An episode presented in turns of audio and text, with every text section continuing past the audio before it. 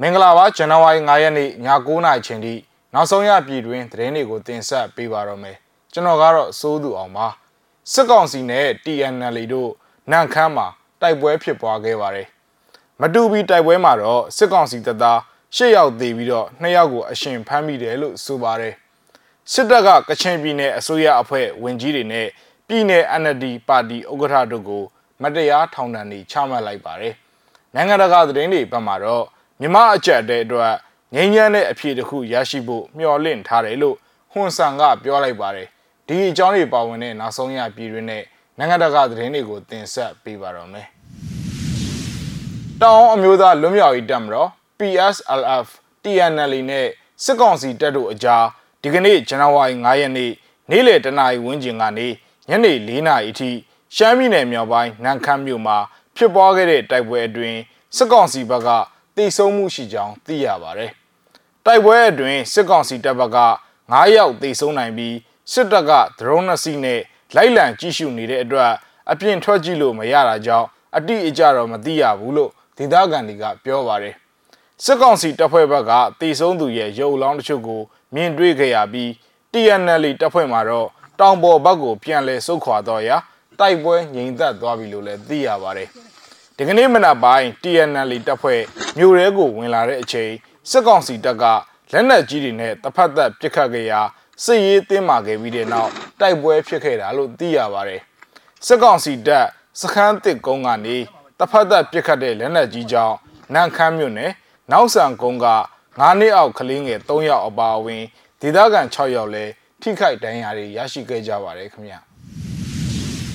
ချင်းပြည်နယ်မတူပီမြို့နယ်အတွင်း နှစ်ရက်စတိုက်တိုက်ပွဲတွေဖြစ်ပွားခဲ့ပြီးစစ်ကောင်စီဘက်ကအရာရှိတယောက်အပါအဝင်၈ယောက်သေဆုံးပြီးဒဏ်ရာရသူများကြောင်းချင်းကောက်ွယ်ရေးတပ်ဖွဲ့မတူပီ CDF မတူပီရဲ့ဒီကနေ့နဲ့ဇန်နဝါရီ3ရက်နေ့ထုတ်ပြန်ချက်တွေအရသိရပါတယ်စစ်ကောင်စီတပ်နဲ့ CDF မတူပီတို့ဇန်နဝါရီ3ရက်နဲ့4ရက်နေ့ဒီမှာတိုက်ပွဲ၄ကြိမ်ဖြစ်ခဲ့တာပါတိုက်ပွဲတွေအတွင်းစစ်ကောင်စီတပ်သား2ယောက်ကိုလည်းအရှင်ဖမ်းမိကြောင်းထုတ်ပြန်ချက်မှာပါရှိပါတယ် မတူပီပလောဝလမ်းပေါ်ထဲဘွေးကြီးရွာမှာရှိတဲ့စစ်ကောင်စီတပ်စခန်းကိုဒေသကာကွယ်ရေးတပ်ဖွဲ့တွေကဇန်နဝါရီ3ရက်နေ့မှာဝင်ရောက်တိုက်ခိုက်ရာစစ်သား9ယောက်တေဆုံးခဲ့တယ်လို့ဆိုပါတယ်။အဆိုပါနေ့ညနေ9နာရီမှာတော့မတူပီဟာခလမ်းပေါ်မှာရှိတဲ့ဖတ်နိုင်နဲ့ဂလိုင်းရွာကြားမှာတိုက်ပွဲထပ်မံဖြစ်ပွားရာစစ်ကောင်စီတပ်ဖွဲ့ဝင်2ယောက်ကိုအရှင်ဖမ်းမိကြောင်းဖော်ပြထားပါတယ်။ဒါအပြင်မှာယမနီ ဇန်နဝါရီ၄ရက်နေ့မနက်6နာရီမှာလဲမတူပီဟာခလမ်းမပေါ်မှာရှိတဲ့ဖနိုင်နဲ့ငလိုင်ရွာကြားတိုက်ပွဲဖြစ်ရာစစ်ကောင်စီဘက်ကအရာရှိတယောက်နဲ့တပ်ဖွဲ့ဝင်2ယောက်သေဆုံးခဲ့တယ်လို့သိရပါတယ်။တိုက်ပွဲဖြစ်ပွားချိန်တနအီကျော်ကြာမြင့်ခဲ့ပြီးစစ်ကောင်စီတပ်ဖွဲ့အထိနာပြီးတော့ပြန်လည်ဆုတ်ခွာသွားခဲ့တယ်လို့ဆိုပါတယ်။အဆိုပါနေ့မှာပဲညနေ3နာရီမှာတိုက်ပွဲထပ်မံဖြစ်ပွားခဲ့သေးပြီးတော့စစ်ကောင်စီတပ်ဖွဲ့ဘက်က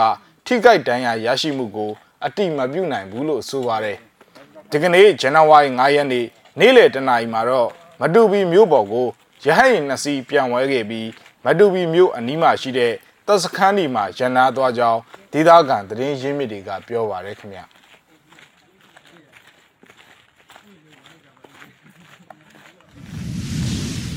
ချင်းပြီးတော့ကချင်ပြည်နယ်ဘက်ကိုသွားရအောင်ပါကချင်ပြည်နယ်ဝန်ကြီးချုပ်ဒေါက်တာခအောင်အပါအဝင် ပြည်내အစိုးရအဖွဲ့ဝန်ကြီးတွေနဲ့ပြည်내အ NLD ပါတီဥက္ကဋ္ဌတို့ကိုထောင်တွင်းအထူးတရားရုံးတွေကနေမတရားပြစ်ဒဏ်တွေချမှတ်ခဲ့ကြောင်းမိသားစုဝင်တွေနဲ့နီးစပ်တဲ့သူတွေစီကနေစုံစမ်းသိရှိရပါတယ်။ကချင်ပြည်နယ် NLD ပါတီဥက္ကဋ္ဌဦးမြသိန်းဟာတဘာဝဘေးအန္တရာယ်ဆိုင်ရာစီမံခန့်ခွဲမှုဥပဒေပုံမှန်25အရပြစ်မှုအလုံးစုံအတွက်ထောင်ဒဏ်တစ်နှစ်ကို2021ခုနှစ်ဒီဇင်ဘာ30ရက်နေ့မှာချမှတ်ခံခဲ့ရပါတယ်။ ပြည်내လူမှုရေးဝန်ကြီးဦးနေဝင်းဟာလည်းအဆိုပါနေ့မှာပဲတဘာဝဘေးရန်ရဲ့ဆိုင်ရာစီမံခန့်ခွဲမှုဥပဒေပုံမှန်25အပါအဝင် ပုံမှန်3ခုအတွက်ပုံမှန်တစ်ခုစီကိုထောင်ဒဏ်တစ်နှစ်စီနဲ့စုစုပေါင်းထောင်ဒဏ်3နှစ်ချမှတ်ခံလိုက်ရပါတယ်။သူဟာစစ်ကောင်စီကအဂတိလိုက်စားမှုတိုက်ဖြတ်ရေးဥပဒေနဲ့မတရားဆွဲဆိုထားတဲ့အမှုကိုလည်းရင်ဆိုင်ရအောင်မှာဖြစ်ပါတယ်။ပြည်내လူဝင်မှုကြီးကြပ်ရေးနဲ့လူစွာအရင်းမြစ်ဝင်ကြီးဦးစော်ဝင်းကလည်း မတရားအသင်းဆက်သွယ်မှုဆိုင်ရာအဥပဒေပုံမှန်စက္ခွန်1နဲ့အဆိုပါဒီဇင်ဘာ30ရက်မှာပဲထောင်ဒဏ်2နှစ်ချမှတ်ခံလိုက်ရပါတယ်။အာနာသိန်းစစ်တပ်က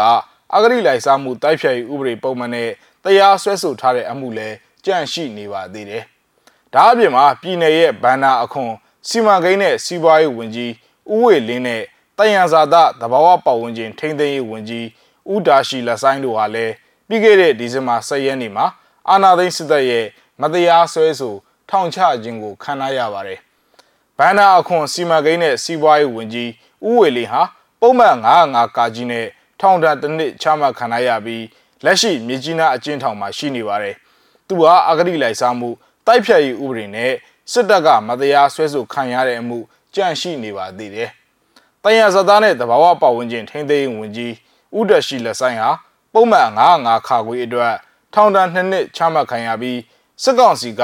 အဂတိလိုက်စားမှုတိုက်ဖျက်ရေးဥပဒေပုံမှန်နဲ့မတရားဆွဲဆိုထားတဲ့အမှုလည်းကြန့်ရှိပါသေးတယ်။အာဏာသိမ်းစစ်ကောင်စီဟာကချင်ပြည်နယ်အစိုးရအဖွဲ့ဝင်တိုင်းသားရေးရာဝန်ကြီးတွေကိုတော့လက်ရှိအချိန်ထိဖမ်းဆီးတာမျိုးမရှိတဲ့အပြင်တရားစွဲဆိုတာမျိုးလည်းမရှိသေးပါဘူး။ဗမော်အကျဉ်းထောင်မှာဖမ်းဆီးထားခံရတဲ့ကချင်ပြည်နယ်လွှတ်တော်ဥက္ကဋ္ဌကြီးဦးထွန်းတင်ကိုလည်းပြစ်မှုပုံမှန် ဆွဲဆိုထားခြင်းမရှိသေးပါဘူးခင်ဗျာ။ဆက်လက်ပြီးတော့နိုင်ငံတကာသတင်းတွေဘက်ကိုလည်းသွားရအောင်ပါ။မြန်မာနိုင်ငံကိုဇန်နဝါရီ9ရက်မှာလာရောက်ဖို့ပြင်ဆင်နေတဲ့ကမ္ဘောဒီးယားဝန်ကြီးချုပ်ဟွန်ဆန်က၎င်းအနေနဲ့မြန်မာနိုင်ငံမှာလက်ရှိဖြစ်နေတဲ့အကြက်အတဲတွေအတွက်ငြိမ်းချမ်းတဲ့ဖြည့်ရှင်းနီလန်းတစ်ခုရရှိဖို့မျှော်လင့်ထားကြောင်းထုတ်ဖော်ပြောဆိုခဲ့တယ်လို့သိရပါတယ်။ကမ္ဘောဒီးယားဝန်ကြီးချုပ်ဟွန်ဆန်ကအင်ဒိုနီးရှားသမ္မတဂျိုကိုဝီဒိုဒိုနဲ့ ဇန်နဝါရီ၄ရက်ကတယ်လီဖုန်းနဲ့ဆက်သွယ်ဆွေးနွေးစဉ်မြန်မာအရေးအပေါ်သူ့ရဲ့အကောင်းမြင်ယုံကြည်ရှိမှုကို ထုတ်ဖော်ခဲ့တာလို့ဆိုပါတယ်။အလားတူပဲကမ္ဘောဒီးယားဝန်ကြီးချုပ်ဟွန်ဆင်ဟာအခုနေ့အာဆီယံအလဲကျဥက္ကဋ္ဌတာဝန်ယူခြင်းအောင်မြင်မှုရပြီးကံကောင်းပါစေလို့လည်းအင်ဒိုနီးရှားသမ္မတဂျိုကိုဝီကဆန္ဒပြုပြောဆိုခဲ့ကြောင်းသိရပါတယ်။ဟွန်ဆန်နဲ့ဂျိုကိုဝီတို့ဖုံးဆက်ဆွေးနွေးမှုရလနဲ့ပတ်သက်ပြီးကမ္ဘောဒီးယားနိုင်ငံသားရေးရာနဲ့ နိုင်ငံတကာပူးပေါင်းဆောင်ရွက်ရေးဝန်ကြီးဌာနက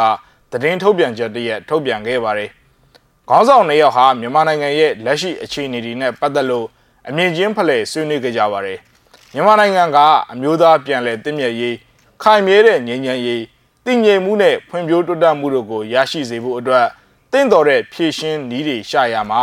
မြန်မာကိုကူညီမဲ့အာဆီယံရဲ့အားထုတ်မှုတွေကိုအာယုံစိုက်ဖို့အရေးကြီးလိုအပ်နေတယ်ဆိုတာကိုလည်း နှစ်ဦးစလုံးကအလေးပေးပြောခဲ့ကြတယ်လို့သတင်းထုတ်ပြန်ကြမှာပါရှိပါတယ်။အခုလိုမျိုးဟွန်ဆန်ရဲ့မြန်မာပြည်ခရီးစဉ်မတိုင်မီရက်အနှဲငယ်အလိုမှာဂျိုကိုဝီနဲ့ဆွေးနွေးပြောဆိုမှုကိုကြည့်မယ်ဆိုရင်သူဟာအာဆီယံအတွင်းစီးလုံးညီညွတ်မှုရှိတယ်ဆိုတာကိုမြန်မာနိုင်ငံအတွင်းပြည်ပခါနဲ့သက်ဆိုင်သူအားလုံးကိုပြသတဲ့အများပြည်သူဆိုင်ရာဒီပလိုမေစီပုံစံတရက်ဖြစ်ကြောင်းကမ္ဘောဒီးယားဒီမိုကရေစီအင်စတီကျုကပူးတွဲတည်ထောင်သူ ယိုဘန်နက်ကပြောပါရယ်အင်ဒိုနီးရှားဟာအရင်ကာလတွေအတွင်းဒေသတွင်းပြည်ပခါတွေဖြန့်ဖြေသူနဲ့ပံ့ပိုးသူအဖြစ်အရေးကြီးတဲ့အခန်းကဏ္ဍကနေပါဝင်ထားတဲ့အတွက်ဒေသအတွင်းကိစ္စရပ်တွေနဲ့ပတ်သက်ပြီးဆွေးနွေးမှုတိုင်းအတွက်အင်ဒိုနီးရှားရဲ့အမြင်သဘောထားကိုဟွန်ဆန်ကအထူးအလေးပေးတံမိုးထားမှုရှိတယ်ဆိုပြီးဘန်နပ်ကပြောခဲ့ပါတယ်။သူဟာမြန်မာပြည်ခီးစဉ်အစဉ်ပြေချောမွေ့စီဖို့နဲ့ အကျိုးရှိတဲ့ရလဒ်တွေရရှိစေရန်အလို့ငါဟွန်ဆန်အနေနဲ့အင်ဒိုနီးရှားရဲ့အပြည့်အဝထောက်ခံမှုကိုလူကောင်းလူနိုင်ပြီးရင်းကဲသို့ဂျိုကိုဝီနဲ့ဖုံးခေါ်ဆွေးနွေးမှုကအဆိုပါထောက်ခံမှုမျိုးကို ထုတ်ဖော်ပြသနိုင်ခဲ့ကြောင်းဗန်နတ်ကပြောကြားခဲ့ပါတယ်ခင်ဗျာ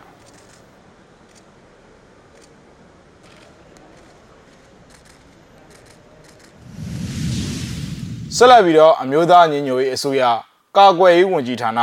အလဲပိုင်းတိုင်းစစ်ဌာနချုပ်ပြည်သူ့ကာကွယ်ရေးတပ်မတော်နေပြည်တော်တပ်ရင်း831တပ်ခွဲ2အထူးမိုးမှန်တင်နန်းစင်ပွဲဗီဒီယိုဖိုင်ကိုလည်းဖွင့်ပြခြင်းပါတယ်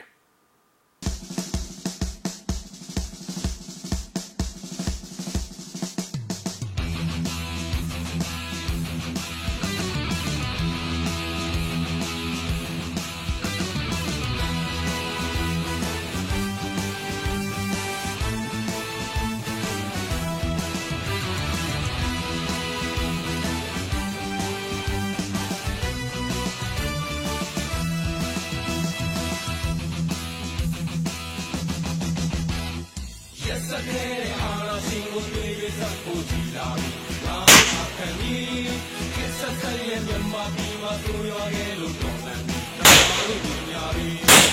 ကြောက်တဲ့လေယုံနဲ့ရဲရဲအောင်သူပြီးဒီမှာဒီကအာရာရှင်စိတ်ကိုမြင်ချက်တိုင်းဆုံးပြီးရက်စက်တဲ့အာရာရှင်ကိုတွေ့ရစဖို့ကြည်လာပြီ။ဒါလို့အခက်ကြီးကစက်တဲ့မြန်မာပြည်မှာသူရောရဲ့လို့